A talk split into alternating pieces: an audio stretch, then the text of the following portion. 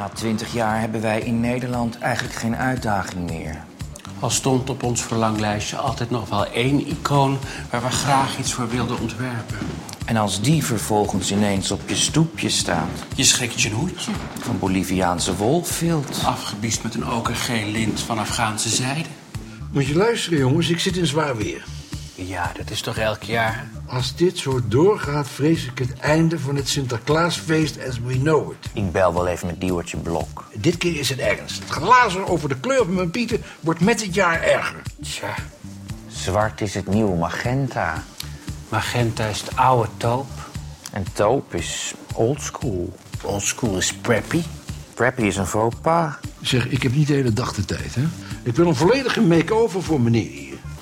Hallo. En het moet af liefst voor de kerst, ja? Ach, ik begrijp het ook wel. Hè? Een witte man met zwarte knechtjes met een beetje goede wil... zou je daar een hint van slavernij in kunnen ontdekken. Maar hoe kan je nou beledigd zijn over iets dat je over, over, over, overgrootvader is aangedaan? Nou, we hebben ons in die tijd niet alleen maar netjes gedaan. Het was een heel uitdagende opdracht. Echt een pièce de résistance. Het mocht niet te glitterati, Maar ook niet te bleu. of te bla. Of te bleu. Nou, laten zien. Poolse pieten. Ja, die zijn al wit van het stukwerk. Die worden wit van zwart werk. Beter kan je niet hebben. Zo zaten we een tijdje op doodspoor. Nou, en opeens had ik het. Hoezo jij had het? Ik kwam met het idee. Nee, ik. Whatever.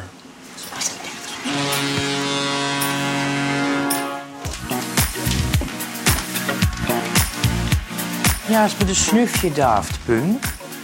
Niet alleen vanwege de anonimiteit die het ambt vereist. Maar ook vanwege de gevaarlijke werkomstandigheden. De boten, daken, schoorstenen. Hip en strak en helemaal van nu. En bestand tegen het teruggooien van pepernoten door de pietjes van Amsterdam-West. Raar als de assistants rondlopen in haute couture. En de baas draagt een vintage handsokje van last season. Dus toen hebben we de Goed Heiligman ook maar even nieuw gestoken. Zo kunnen ze er weer een poosje tegen. In elk geval tot de volgende wintercollectie. Loop eens even mee. Poepen, de poepen, de poepen, de poepen, de poep. Ja. Ach, alles bent, zullen we maar zeggen. Nou, bedankt jongens. Tot ziens.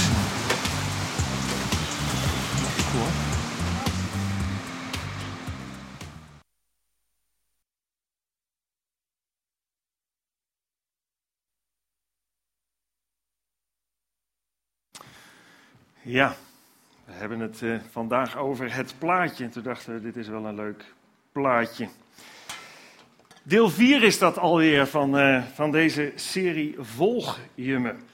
En ehm, voordat ik eh, daarop inga, op het thema van vandaag, nog even heel eventjes terug naar wat is in de afgelopen weken voorbij gekomen. Misschien omdat je hier vandaag voor het eerst zit en voor de anderen die de weken misschien wel zijn geweest, maar waar het toch een beetje terugzakt. We zijn begonnen eigenlijk met datgene wat op de uitnodiging staat. Daar staat het volgende. Ongeacht wat je gelooft, ongeacht hoe je je gedraagt, Jezus nodigt je uit. Volg je me. Daar zijn we mee begonnen. Dat is het uitgangspunt. En misschien heb je die uitnodiging wel van iemand gekregen, of heb je hem vanaf hier meegenomen en heb je dat gelezen. En dat is niet hetgene wat religie zegt. Deze uitnodiging komt niet vanuit religie, want religie zegt verander en dan mag je erbij horen. Als je, als je voldoet aan de voorwaarden, als je past in het plaatje, als alles klopt zoals wij het gewend zijn, dan mag je erbij horen. Dat is wat religie zegt. Jezus zegt niet verander, dan mag je me volgen, maar volg me, dan zul je veranderen. Veranderen op een positieve manier die geleidelijk ontstaat. Je zult wel veranderen, maar je hoeft niet te veranderen voordat je me mag volgen. Jezus kwam, om een, kwam niet om een religie te starten, maar kwam voor een relatie. Een relatie waarin je mag komen zoals je bent. Een paar diensten terug hebben we stilgestaan bij dat lied van, van Billy Joel. Just the way you are. Je mag komen zoals je bent. Een relatie die gericht is op jouw geluk. Waarin God, waarin Jezus het geluk van ons allemaal op ogen heeft. Voor ogen heeft als hij die uitnodiging doet en zegt: volg mij. Een relatie waarin je de tijd krijgt om te ontdekken, waarin je de ruimte hebt om te veranderen. En meer te ontdekken van wie Jezus is en wat zijn bedoelingen zijn. Niemand in het begin, ehm, in de tijd dat Jezus op aarde rondliep, niemand die hem in het begin volgde, was een gelovige. Het, waren mensen die waren aangesproken door wat hij zei, die waren onder de indruk of zagen wonderen die hij deed of kregen te eten terwijl ze dat niet verwachten. En daarvan uit, nieuwsgierig, gingen ze hem volgen. Niemand geloofde in hem. Niemand, toen Jezus begon, was een heilige. Jezus nodigde niet heiligen uit. Mensen die helemaal klopten en die helemaal pasten in het plaatje en die helemaal perfect waren. Nee, niemand van de mensen die hij uitnodigde hadden eigenlijk die status. Wat het tegenovergestelde. Als je denkt aan bijvoorbeeld uh, Matthäus en de tollenaar, waar, waar Jezus op een gegeven moment komt. Nou, die, dat was niet bepaald een heilige. En hij nodigde hem uit en zei: Volg me. En hij volgde hem. Of Jezus die een paar vissers uitnodigde, dat waren geen gelovigen, het waren geen heiligen. Ze waren geprikkeld door wat hij zei en geïnteresseerd en nieuwsgierig geworden. En ze volgden hem. En van al deze mensen zie je ook dat ze gingen veranderen. Op zo'n manier dat ze zeiden: we zouden voor geen goud van de wereld terug willen naar het punt waarop we hem begonnen achterna te gaan. Waarop we hem gingen volgen. Jezus liet zich niet leiden door hoe iemand is, maar Jezus liet zich leiden door de potentie die hij in iedereen ziet. Hij ziet in iedereen wat, wat je kan worden. Ja, waarom waren er zoveel mensen die hem gingen volgen? Daar hebben we ook een dienst bij stilgestaan. Dat was niet omdat Jezus aan die mensen de hemel beloofde. Als je het verslag van Jezus op aarde leest in Matthäus, Marcus, Lucas en Johannes, vier verschillende mensen die op een verschillende manier het, de handel en wandel van Jezus op aarde hebben beschreven, dan lees je in die verslagen dat Jezus maar heel weinig zegt over de hemel. Het was niet de hemel die hij beloofde. Daar waren mensen misschien ook helemaal niet zo mee bezig. Dat, dat, dat was niet hetgene wat hen het meest triggerde. En daar sprak Jezus eigenlijk ook bijna niet over. Het was ook niet dat mensen Jezus gingen volgen omdat hij zei: Als je mij volgt, dan word je een beter mens. Het was misschien zelfs voor mensen wel aanmatigend geweest of, of vervelend geweest om te horen: volg mij, dan word je een beter mens. Misschien stuit dat je juist wel tegen de borst. Ben ik dan niet goed genoeg? Maar ik doe toch al, al hele goede dingen. Dat is toch allemaal prima? Waarom zou ik moeten veranderen? Dat was ook niet wat Jezus zei. Dan word je een beter mens. Kijk, en dat was wel zo. Daar ben ik van overtuigd. Dat is mijn eigen ervaring in mijn leven. Mensen die ik om me heen zie. Mensen die Jezus gaan volgen, veranderen ook daadwerkelijk en worden mooiere mensen. Maar het was niet hetgene, maakte niet onderdeel uit van de uitnodiging van Jezus. De mensen die Jezus volgden, volgden hem ook niet omdat hij een pijn- en probleemloos leven beloofde. Dat zou maar een hele korte duur hebben gehad en dan, ja, dan zou die hele theologie door de mand zijn gevallen. Jezus wist dat de wereld waarop wij leven een wereld is die die, zoals, zoals we met kerst vaak lezen, gebukt gaat onder schuld, verloren in schuld. Een, een wereld waar, waar mensen verkeerde dingen doen, waar ze elkaar pijn aan doen, waar ten gevolge van dat allemaal er lijden is en mensen sterven. En Jezus beloofde niet een pijnloos en een probleemloos leven. Vroeg of laat waren mensen daarop afgeknapt. En er zijn soms kerken, zijn soms theologieën en misschien nog meer in Amerika dan in Nederland of in Europa, maar waar ze je gouden bergen beloven. Als je Jezus volgt, dan krijg je, krijg je veel geld en dan krijg je veel zegen en dan gaat alles je voor de wind en dan is het één groot feest. Dat is niet de realiteit. En Jezus stond midden in de realiteit. Hij beloofde geen pijn en probleemloos leven. Waarom gingen mensen hem dan wel volgen? Als hij al die dingen niet beloofde. Waarvan wij misschien zouden zeggen, nou, als hij dat zou beloven, zou ik hem wel willen volgen. Hij beloofde wat anders. Hij beloofde iets waar mensen in die tijd, maar ook wij in deze tijd, echt behoefte aan hebben. Wat je echt uiteindelijk triggert en nieuwsgierig maakt om hem te volgen. Hij beloofde een leven zonder angst. Een leven waar angst en zorgen en onzekerheden eigenlijk niet een plek krijgen. En misschien zeg je nou, ik ken dat helemaal niet zo, angst. Ik ben helemaal niet zo angstig. Ja, wel eens, functionele angst, hè? schrik omdat je op tijd weg moet springen of zo. Dat je zo'n adrenaline stoot krijgt. Maar echt verder angst, nee, ik ken dat eigenlijk niet. Maar ik denk dat als we een beetje nadenken, dat we ons eigenlijk realiseren dat er heel veel met angst leven. Het zijn niet allemaal zulke grote dingen, maar bijvoorbeeld angst of zorgen, mag je het ook noemen. Of onzekerheden over je baan. Dat, dat doet iets met je. Of, of bang om, om niet met je geld uit te komen, om in, in geldproblemen te komen, om je hypotheek niet meer te kunnen betalen. Angst voor wat er dan gebeurt en wat de consequenties daarvan zijn en met hoeveel rest zult je blijft zitten en noem maar op. En zelfs angst als je heel veel geld hebt, dat je dat vele geld zult kwijtraken of op een verkeerde manier hebt belegd of wat dan ook. Angst, angst, onzekerheden, onduidelijkheden. Angst om ziek te worden. Om ernstig ziek te worden, angst om dood te gaan. Angst om verlaten te worden voor een ander, angst voor oorlog, voor, voor alles wat zich beweegt in de, in de wereld om ons heen en wat we zien op het journaal. Angst dat dingen gaan escaleren en fout aflopen. En zo kun je nog wel even doorgaan. Met alle onzekerheden en angsten en zorgen die we hebben. En dan zie je eigenlijk door die hele geschiedenis, gaat maar eens lezen die boeken Matthäus, Marcus, Lucas en Johannes dan zie je eigenlijk daar in die lijn doorheen dat Jezus heel veel spreekt over dit thema. Dat hij die dingen zegt die angst, die gericht zijn angst weg te nemen.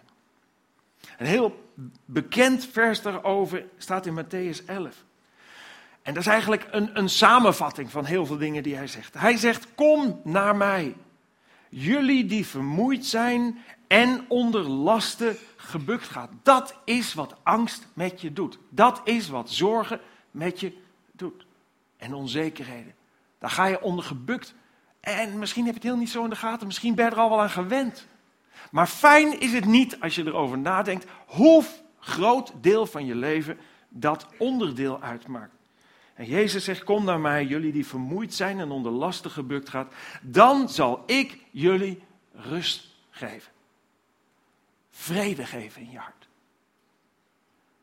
Dan zal ik je iets geven waarbij al die angsten verbleken, in een ander perspectief komen te staan. Hij zegt: Neem mijn juk op je en leer van mij, want ik ben zachtmoedig en nederig van hart. Dan zullen jullie werkelijk rust vinden. Want mijn juk is zacht en mijn last is licht. Dat is de manier waarop Jezus uitreikt naar ieder mens. Dat is de rode lijn die je door de evangelie ziet. En je ziet ook op welke manier Jezus dat doet. Want hij kwam op deze aarde om mensen uit te nodigen, om hem te volgen, om te zeggen waar je zo naar op zoek bent. Naar rust en geborgenheid en naar onvoorwaardelijke liefde. Naar zekerheden in je leven. Naar hoop over de grens van de dood heen. Dat is wat ik kom brengen. Want ik ga sterven. En ik zal de prijs betalen voor de zonde die je hebt gedaan. En ik zal het probleem oplossen wat we allemaal hebben in ons leven, namelijk dat we door onze zonde van God gescheiden zijn en daardoor ons houvast zijn kwijtgeraakt. Waardoor angst grip op ons heeft.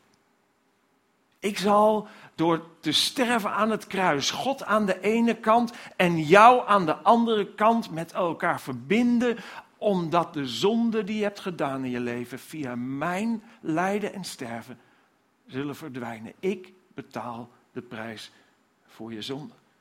En zo zul je rust ontvangen. Allemaal afgelopen weken over gehad. Het thema voor deze week is het plaatje. Pas je in het plaatje. Ik heb een leuke vraag maar waar ik met jullie over na wil denken. Namelijk de volgende. Hoe behoort een christen zich te kleden? Nou, dat is toch interessant. Misschien denk je, oh help, het is echt een zondag. Ik heb iemand meegenomen. En, en ik dacht, als die maar geen rare dingen doet. En dan gaat hij het over zo'n thema hebben. Hoe behoort een christen zich te kleden? Hoe kan dat interessant gaan worden? Nou, misschien ben je hier en ben je christen, ben je misschien best benieuwd of je in het plaatje past. En misschien ben je hier en, en, en ben je wat zoekend of er iemand uitgenodigd of weet je het allemaal nog niet zo van, van, van Jezus en, en, en het kruis en de opstanding. En heb je zoiets van, ik ben een beetje Kom gewoon eens kijken. Nou, ik hoop dat het plaatje aantrekkelijk voor je is, waar we het over zullen hebben. Ja, kleding en andere uiterlijke kenmerken zeggen heel veel over iemand. dat is gewoon zo. Als je dit plaatje ziet, dan weet je meteen een aantal dingen van deze personen. je weet bijvoorbeeld dat je een bepaalde voetbalclub in hun nabijheid niet moet noemen. dat is gewoon heel gevaarlijk als je dat doet. Als je hier Feyenoord roept, dan gebeuren er ongelukken. Je weet ook dat ze waarschijnlijk um, heel veel tijd eraan besteden. Ze zien er zo fanatiek uit en ze zijn helemaal gekleed in de kleding van Ajax. En, en dat ze misschien wel heel veel wedstrijden bezoeken. Nou, je kunt zo een heel aantal dingen vertellen van deze mensen, alleen maar vanwege de manier waarop ze zich kleden. Eén keer in de vier jaar doen er nog veel meer mensen mee dan, dan, gaan we ons allemaal helemaal uitdossen met, met van allerlei oranje spul en zo. Dan hebben we allemaal dat oranje gevoel. Zelfs mensen die normaal nooit wat hebben met, met voetbal, sommigen zullen ze herkennen, die gaan in één keer ook rare dingen doen en, en, en, en rare oranje en, en gekleurde dingen opzetten. Ja, en zo, zo gaat het. En dan herken je meteen iets van, oh, oh, die zijn bezig met voetbal. Kleding zegt veel. De kleding van deze personen vertelt je eigenlijk ook al een verhaal. Een verhaal waar ze mee bezig bent. Het verhaal dat ze waarschijnlijk een, een zware training hebben gehad. Dat ze in, in, in noodsituaties moeten optreden. Dat ze gevaarlijk werk hebben. Noem allemaal maar op. Alleen de kleding vertelt je een heel verhaal over de persoon. Er zijn ontzettend veel geloofstromingen die ook aan hun kleding te herkennen zijn. Als je alleen de kleding al ziet, dan weet je waar ze onderdeel van uitmaken. Waar ze bij horen. Wat, welk geloof er hoort bij hun manier van kleden. Maar hoe moet een christen zich kleden? Een paar opties. Dit zou een optie kunnen zijn. Er is een groep kerkleiders die zich zo kleden. Allemaal komen bij dezelfde winkel ook. Kun je heel duidelijk zien. Ja, dat is heel makkelijk. Krijg korting als je zoveel van die pakken koopt. Ja. Nou, dat kan op deze manier. Dat kan. Er zijn kerkleiders die er heel anders uitzien. Dat is dit plaatje. Dat zijn ook mensen die leiding geven in een kerk. Daar ken je er misschien wel een paar van. Die zien er heel anders uit. Dus ja, is het nou het ene of, of is het het andere? Of, of moet je misschien voor de komende zomer die eraan komt, een van deze t-shirts gaan bestellen? Hoort dat eigenlijk bij de outfit uh, die je zou moeten hebben? Met, met een tekst, een mooie tekst erop. Niet Subway, maar Hisway. En, en, en, en dat soort dingen. Is dat misschien dan de outfit die we moeten hebben? Of moet je binnenkort misschien eens een keer naar deze winkel toe? En moet je eens kijken van, ik ga eens, nou, ik vind dat er een hoed bij hoort. Dat kan, dat kan. Het is, het is op een, een of andere manier heel verschillend. Dus de vraag is even van, maar ja, hoe zit het nou echt? Nou, Paulus gaat ons een antwoord geven op deze vraag. Nou, wie is Paulus? misschien ken je de Bijbel helemaal verder niet. Heb je zoiets van Paulus ken ik alleen van de, precies, boskebouter. En dit is een andere Paulus. Paulus leefde in de tijd dat Jezus op aarde was. Hij was uh, een zoon van een Joodse moeder en van een Romeinse vader. Daardoor was hij eigenlijk Joods, maar had ook het Romeins staatsburgerschap, wat hem in die tijd wel goed van pas kwam. Want uh, het volk Israël stond onder Romeinse overheersing. En niet alleen Israël, een veel groter gebied in die tijd. Paulus geboren in Tarsus. Tarsus is een plaats in het eh, zuiden van het voormalig Klein-Azië, het huidige Turkije. Een beetje aan de oostkant, zuid, maar wel aan de zuidkant. En hij um, kreeg zijn opleiding eh, in, in Jeruzalem en hij werd opgeleid eh, tot fariseer. Ehm, je zou kunnen zeggen godsdienstgeleerde. Hè, de mensen kregen een, echt een hele zware opleiding in de oude geschriften, wat wij kennen als het Oude Testament, het eerste deel van de Bijbel. En daar, dat kenden ze van haver tot God. Tot God. En, en dat niet alleen, de, het was niet alleen dat gedeelte, ze hadden ook met elkaar, al die fariseeërs en, en ook nog andere groeperingen van godsgeleerden, die hadden met elkaar er ook nog een heleboel wetten bij gemaakt. 613 ge- en verboden, die ze naast die geschriften nog hadden gemaakt om, om zeg maar de mensen godsdienstig binnen de kaders te houden. Er waren veel wetten, veel wetten.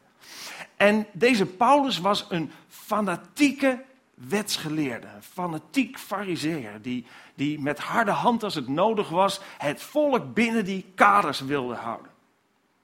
En vaak waren ze ook heel protserig en, en trots op zichzelf en zeiden ze blij dat wij zo goed zijn en zij allemaal zo slecht zijn, dat gepeupel. En ja, zo, zo ging dat in die tijd. En Jezus was op aarde geweest, hij was gestorven aan het kruis, hij was opgestaan, hij was naar de hemel gegaan. En toen Jezus niet meer op aarde was, was niet in één keer de beweging die Jezus in gang gezet had op aarde weg. Nee, sterker nog, die werd sterker, groter. Er kwamen steeds meer mensen, en die heten geen christenen in die tijd, die naam kwam pas veel later. Die heten de volgelingen van de weg. En Jezus zei ook, ik ben de weg, de waarheid en het leven. Niemand komt tot de Vader dan door mij. Voor die exclusiviteit had hij zijn leven gegeven. De volgelingen van de weg. En ja, er was al een enorme clash steeds geweest tussen die volgelingen en die fariseeërs en, en die geestelijke raad. Dat heette het Sanhedrin, dat was het leiderschap daarvan. Steeds clashes en, en, en Paulus voelde zich geroepen, toen nog Saulus, voelde zich geroepen om daar fanatiek achteraan te gaan. En hij stond er ook eens een keer bij en, en, en was er onderdeel van toen Stefanus, een van die volgelingen, werd gestenigd om de dingen die hij zei. En vanwege het feit dat hij een volgeling van Jezus was. Dus hij was echt fanatiek. En hij vroeg op een gegeven moment van allerlei uh, brieven um, waarmee hij toestemming kreeg om ook op andere plaatsen die volgelingen van de weg te achtervolgen, te elimineren, uh, weg te doen, uh, in de gevangenis te zetten, mee te nemen naar Jeruzalem en gevangen te zetten. En zo was hij een keer onderweg naar Damascus. En onderweg, het staat in Handelingen 9, je moet het maar eens nalezen. Onderweg werd hij, zou kunnen zeggen, door Jezus zelf in zijn nekvel Hij werd van zijn paard gegooid, er was een groot licht, er was een, er was een stem, er was een openbaring aan hem. Die zo onmiskenbaar was, dat hij, om een lang verhaal kort te maken, uiteindelijk 180 graden omging. Van een van een volgeling en een navolger en een vernietiger van, het, van, het, van de volgelingen van Jezus, werd hij tot een, een, volgeling zelf en een verkondiger, een van de grootste. En wat hij deed, in het begin was dat heel lastig, want hij probeerde contact te krijgen met die, met die volgelingen, maar die wisten allemaal wie hij was, dus die bleven er ver uit de buurt. En het duurde een hele tijd voordat ze echt merkten, hij is echt veranderd. Hij is niet meer de oude Saulus, hij is Paulus, een apostel geworden, een volgeling van de weg van Jezus. En wat hij deed is hij reisde dat is wel bekend, dat noemen we de zendingsreizen. Hij reisde langs verschillende landen, door, door, door Turkije, toen, toen dan het, het Klein-Azië en, en door Griekenland en Cyprus. En overal ging hij naar de synagogen, naar de plek waar de Joden die daar woonden hun diensten hadden, hun bijeenkomsten hadden op de Shabbat, op de, op de zaterdag. En daar sprak hij over deze Jezus. En de mensen moesten hem in de meeste gevallen wilden ze hem niet dulden, dus dan gooiden ze hem eruit of zetten hem in de gevangenis of, of hij werd beschimpt of wat dan ook. Maar er waren altijd een paar mensen, soms maar een, soms een heel klein groepje, soms wat meer, die werden aangesproken door, door iets wat zo anders was dan wat ze gewend waren. Namelijk niet wetjes en regeltjes en als je er precies in past, dan is het oké en dan mag je erbij horen. Nee, Jezus is gekomen om de liefde van God door te geven. En om tegen jou te zeggen hoe je ook bent. En wat je ook gelooft. En wat je ook op je kerfstok hebt. Je mag me volgen. Volg me. En je zult veranderen. Niet veranderen. En je mag erbij horen. En langzamerhand ontstonden er vanuit die groepjes kerken. Groepen mensen die bij elkaar kwamen, die met elkaar die boodschap weer deelden van Paulus. En er onderstonden kerken. En Paulus bleef rondreizen en tijdens die rondreizen stuurde hij brieven naar die verschillende kerken. Soms naar meerdere kerken, in, in Korinthe of Efeze of Colossense of verschillende plekken stuurde hij brieven. En in die brieven legde hij veel dingen uit. Over het christelijk geloof, over hoe Jezus de dingen bedoeld had. Want langzamerhand had hij ook Petrus ontmoet, die ooggetuige was geweest. En Maria, de moeder van Jezus en Johannes. En had hij, hij had heel veel informatie verzameld. En er waren hem ook dingen geopenbaard. En hij ging dat verkondigen. En hij ging die brieven sturen. En die brieven zijn terechtgekomen in het Nieuwe Testament. In het tweede deel van de Bijbel. De, de helft is zo'n beetje van Paulus. Ook wel van andere, Timotheus en Petrus en Jacobus. Maar een groot deel van die brieven is van Paulus. En Paulus, Paulus maakte helemaal gebruik van de rode lijn van de boodschap van Jezus.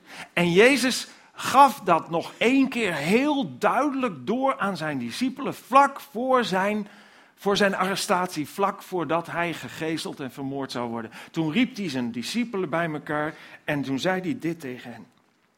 Hij zei, mijn kinderen, ik zal niet lang meer bij jullie zijn. Je zult me zoeken, maar wat ik tegen de Joden gezegd heb, zeg ik nu ook tegen jullie. Waar ik heen ga, kunnen jullie niet komen. Jezus, weten we nu, sprak over het feit dat hij zou sterven. En dat hij wel zou opstaan, maar ook naar de hemel zou gaan, terug naar de Vader. Maar zij hem niet op die manier konden volgen. En dan zegt hij het volgende. Ik geef jullie een nieuw gebod. En Jezus deed vaak hele bijzondere dingen. Dus ik denk dat ze op het puntje van hun stoel zaten om te luisteren. Wat zou dat nou zijn? Wat zal dat nieuwe zijn? En wat betekent dat voor ons? En wat kunnen we ermee? En kan, kan, hoe groot zal het zijn? En dan zegt Jezus: Ik geef jullie een nieuw gebod. Heb elkaar lief. En misschien zijn ze wel, misschien zijn ze wel wat teleurgesteld geweest. Ze dachten: Ja, maar wat is daar nou helemaal nieuw aan? Heb elkaar lief. Dat is, dat, dat is toch logisch dat we elkaar lief hebben. We zijn hier als een groep en discipelen. We zijn al tijd met elkaar opgetrokken. Dit zijn onze matties. Dit is onze clan. En, en dit is gaaf. Natuurlijk hebben we elkaar lief. Dat hoort erbij. Maar Jezus gaat nog iets verder. Die zegt: Zoals ik jullie heb lief gehad, zo moeten ook jullie elkaar lief hebben dat ging niet alleen over liefde onderling, nee, dat ging veel verder. Misschien, misschien heeft Jezus wel gezegd, weet je nog, Matthäus? Weet je nog, Matthäus, toen jij als landverrader belasting inde voor de Romeinen en daar zelf een deel van hield en veel meer vroeg aan je landgenoten, landgenoten, de Joden, veel meer geld vroeg dan dat je eigenlijk moest en mocht vragen? En hoe je hen daarmee eigenlijk geld aftroggelde, hoe je hoorde bij het uitschot. Weet je nog, Matthäus, toen ik bij jou aan jouw tolhuisje kwam, hoe ik op jou reageerde? Weet je nog, toen Petrus je het liefste op je gezicht wilde slaan, hoe ik reageerde? Wat ik tegen je zei? Ik zei, volg me. Je mag me volgen, je mag erbij horen.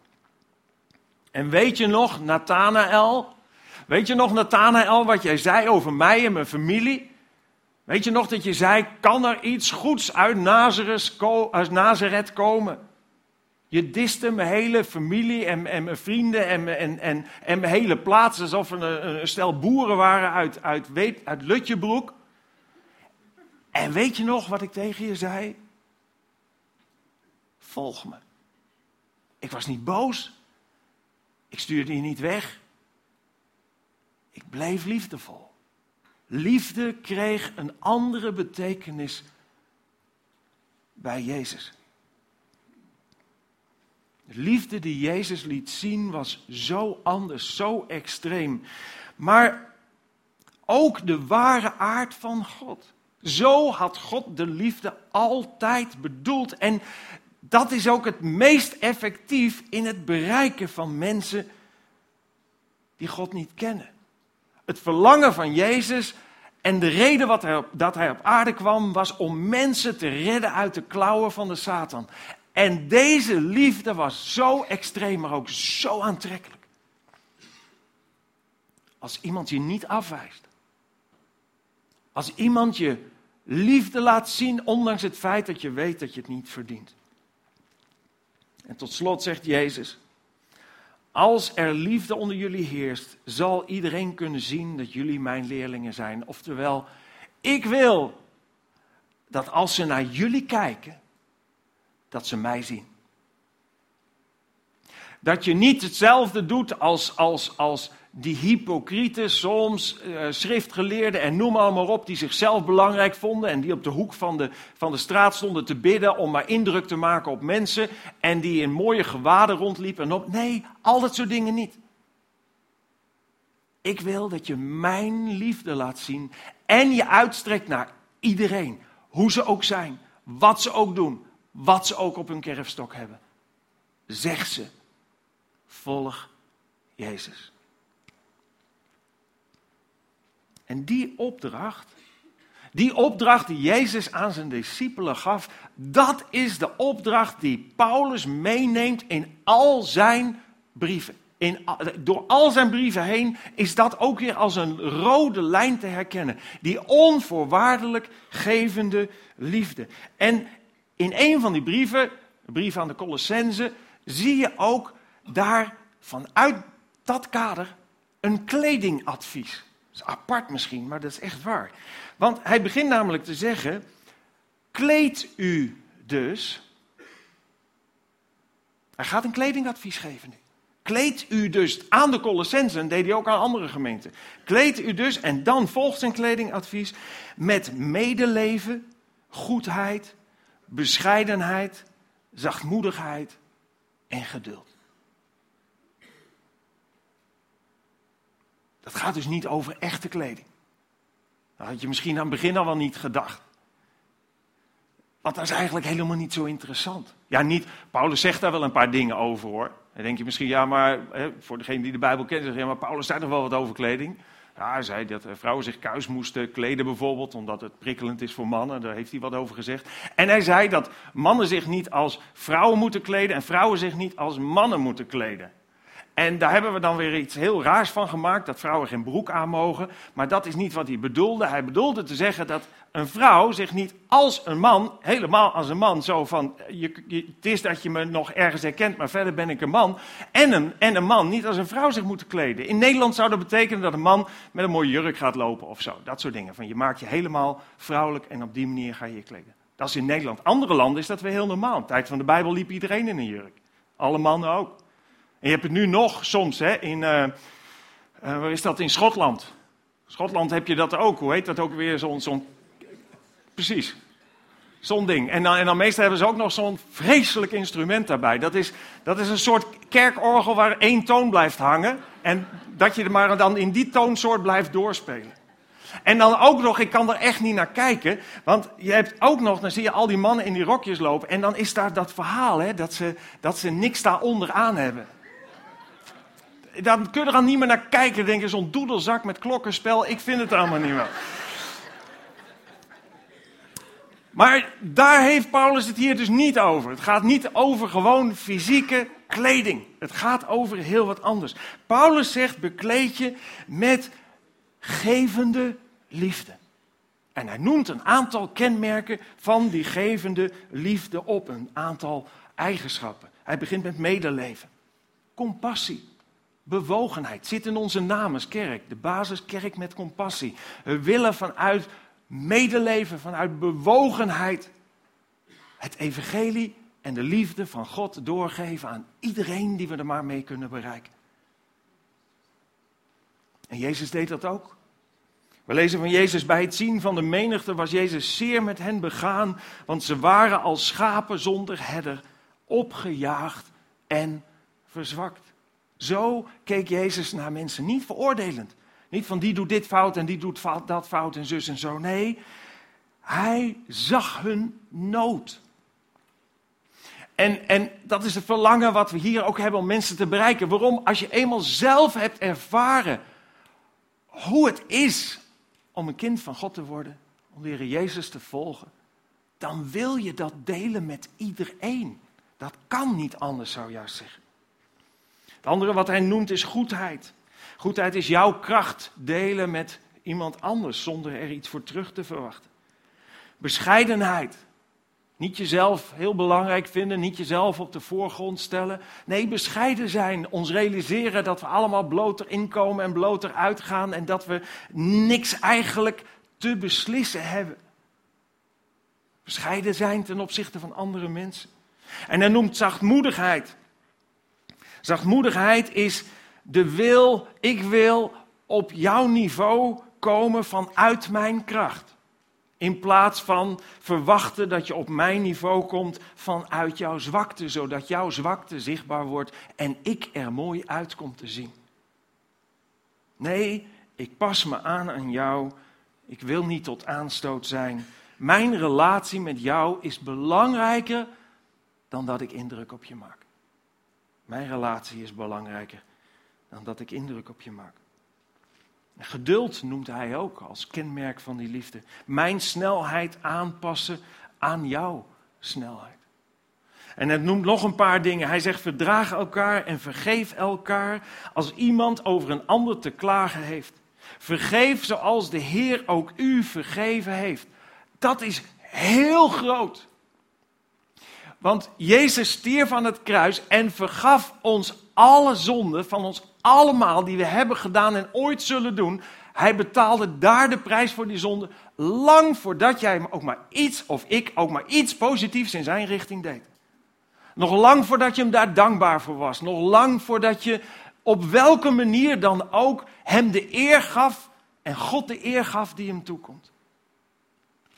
Onvoorwaardelijk gaf hij zijn leven.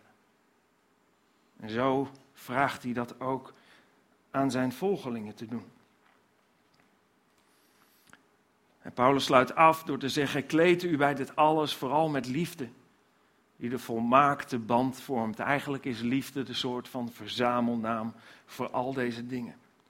Het is een opdracht aan gelovigen. Hij stuurt aan Colossense deze brieven. Dat is een gemeente met gelovigen. En ja, dat is ook heel belangrijk voor jou als je niet gelovig bent. Misschien ben je op zoek. En waarom is dat belangrijk? Nou, dan weet je in ieder geval hoe Jezus het bedoeld heeft.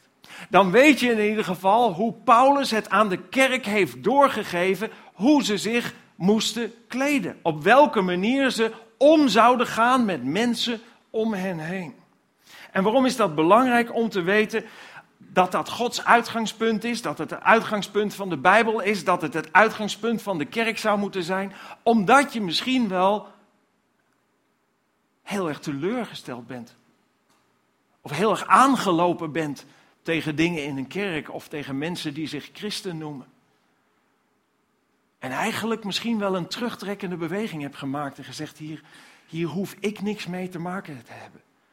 Weet dan dat het misschien prima is om iemand terug toe te keren die het leven zuur maakt of een kerk, maar weet dat God het nooit zo bedoeld heeft. En zo vaak gebeurt het dat mensen teleurgesteld raken in wat er in een kerk gebeurt, of teleurgesteld raken over mensen die zeggen christen te zijn. Misschien christen zijn en daar grote fouten in maken. En keren dan God terug toe. Hier hoor je, lees je hoe God het bedoeld heeft. En hoe Jezus het bedoeld heeft. Net zoals in de uitnodiging. Ongeacht wat je gelooft. Ongeacht hoe je je gedraagt. Ik veroordeel je niet. Ik, Jezus, nodig je uit. Volg je me. En natuurlijk, God wil dat je gelukkig bent. Jezus wil dat je gelukkig bent. Hij wil je helpen om in die zoektocht van het Hem volgen te groeien in de dingen die echt belangrijk voor je zijn. Daarom verander je ook wel.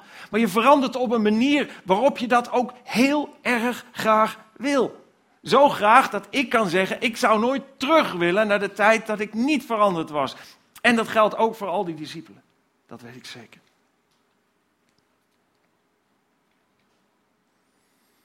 Misschien zit je hier en ben je, ben je gelovig. Dan wil ik ook nog wat tegen je zeggen. Maar misschien zeg je, ja, maar dit is toch niet op te brengen, die onvoorwaardelijke liefde. Ja, ik snap dat, dat Jezus, ja, dat was de zoon van God, ik snap dat hij dat kon. En misschien Paulus ook een soort van superchristen of zo. Nou, dat hij dat ook kon, maar hoe moet ik dat in vredesnaam doen? En, en, en hoe kan het dat je, dat je gelooft dat dat kan? Nou, ik geloof dat het kan omdat ik het zie gebeuren om me heen en omdat ik merk dat als ik daar werkelijk die keuze maak om het te kleden met die liefde, dat je van God de kracht krijgt om zo te zijn. Ik geloof het ook omdat Paulus als een gewoon mens, helemaal geen superchristen, het ook heeft gedaan. En zeker, het is niet gemakkelijk. Zeker kost het moeite. Het kostte hem moeite. Hij werd soms in elkaar geslagen en bespuugd en gevangen gezet. En dan weer leed hij schipbreuk en heeft van allerlei ellende meegemaakt. Het was echt geen gemakkelijke weg. En ik zeg niet dat dat voor iedere volgeling zo is, want dat is niet zo. Maar op een andere manier is onvoorwaardelijke liefde geven niet gemakkelijk. Maar wel geweldig mooi. En nu 2000 jaar later spreken we nog over de woorden van Paulus. En hij startte veel kerken onder de heidenen. En de reden dat we vandaag hier zijn is niet vanwege de dingen die hij dacht. Of vanwege de onmogelijkheden die hij zag. Maar juist van de dingen die hij deed in de lijn van wat hij had geleerd. Jij als gelovige kunt het mensen om je heen heel gemakkelijk maken om nieuwsgierig te worden naar het geloof. Nieuwsgierig te worden naar God en naar Jezus. Je kunt het ze ook heel moeilijk maken. En dat heel moeilijk maken is veel gemakkelijker. Het is veel gemakkelijker om mensen te veroordelen of om jezelf beter voor te doen dan die ander. Het is veel gemakkelijker om die balk in je eigen ogen niet te zien, maar die splinter in andermans ogen wel. Het is veel gemakkelijker om je te distancieren van al die moeilijke mensen die je misschien moeilijk vindt. Allemaal gemakkelijker maar niet de kern van wat Jezus zegt. Niet de kern van de boodschap van God. Die zegt, kies de moeilijke weg. Want alleen liefde kan het kwaad breken. Alleen liefde kan de mensen losmaken uit de klauwen van het kwaad. Dus, zegt Paulus, kleed je waardig je roeping met medeleven met goedheid, met bescheidenheid, met zachtmoedigheid en geduld, vergeving en liefde. En doe dat iedere dag opnieuw. Bij wijze spreken, als je je fysiek aankleedt morgens, dan zou je je ook geestelijk moeten aankleden. En Gods hulp vragen.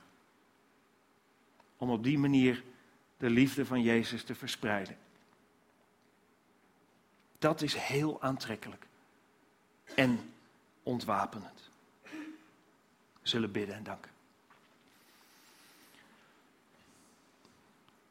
Dank u wel, Heere God, voor de liefde die u heeft voor ons allemaal. Wie we ook zijn, wat we ook hebben gedaan, hoe we soms ook denken niet goed genoeg te zijn voor u. U zegt, volg mij. U zegt, ik hou van je. U zegt, ik heb je gemaakt. En ik verlang ernaar om een relatie met je te hebben. Ik verlang ernaar om jou mijn liefde te geven. Dank u wel, Heere Jezus, dat u vanuit diezelfde gevende liefde naar deze wereld kwam en uw leven gaf. En dat u daarmee de prijs voor mijn zonde betaalde. Voor de zonde die ik had gedaan en die ik nog zal doen. En dat u de weg vrij maakte voor een relatie met God de Vader. En, en dat dat alles op zijn plek heeft gebracht. En dat ik daardoor hoop heb voor wat gaat komen. Rust heb. Niet maar zo uit balans ben, omdat ik weet dat u er bent en voor me zorgt en van me houdt. En zelfs al zijn er moeilijkheden, zoals we ook in het psalm lezen, al ga ik door een dal van diepe duisternis, ik vrees geen kwaad, want u bent bij mij. Heer, dank u wel. Dat u voor me zorgt en dat ik daar door u te leren kennen ook heb mogen leren om u de eer te geven die u toekomt. U als schepper van hemel en aarde en schepper van ons leven.